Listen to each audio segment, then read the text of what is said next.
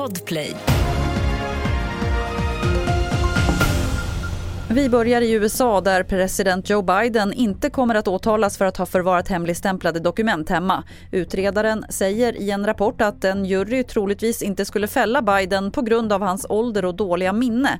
Thomas Kvarnkullen rapporterar från USA. Det är ju inte positivt för eh, president Biden för hans återvalskampanj har redan präglats eh, väldigt mycket av hans ålder och hans lämplighet att sitta eh, som president i fyra år till. Och det här kommer få den debatten att ta fart ytterligare.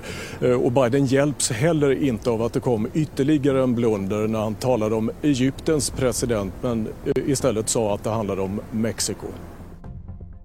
I natt släpptes den amerikanska högermedieprofilen Tucker Carlsons två timmar långa intervju med Putin. Intervjun har fått skarp kritik och Carlson anklagas för att agera språkrör åt Putin. I intervjun la Putin stor vikt åt att rättfärdiga varför han tycker att Ukraina tillhör Ryssland.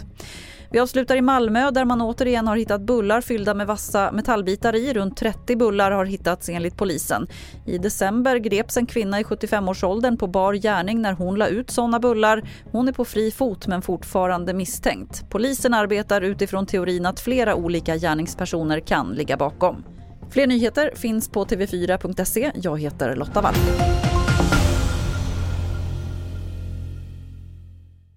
you poddtips från Podplay. I fallen jag aldrig glömmer djupdyker Hasse Aro i arbetet bakom några av Sveriges mest uppseendeväckande brottsutredningar. Går vi in med hemlig telefonavlyssning och, och då upplever vi att vi får en total förändring av hans beteende. Vad är det som händer nu? Vem är det som läcker? Och så säger han att jag är kriminell, jag har varit kriminell i hela mitt liv men att mörda ett barn, där går min gräns. Nya säsongen av Fallen jag aldrig glömmer på Podplay.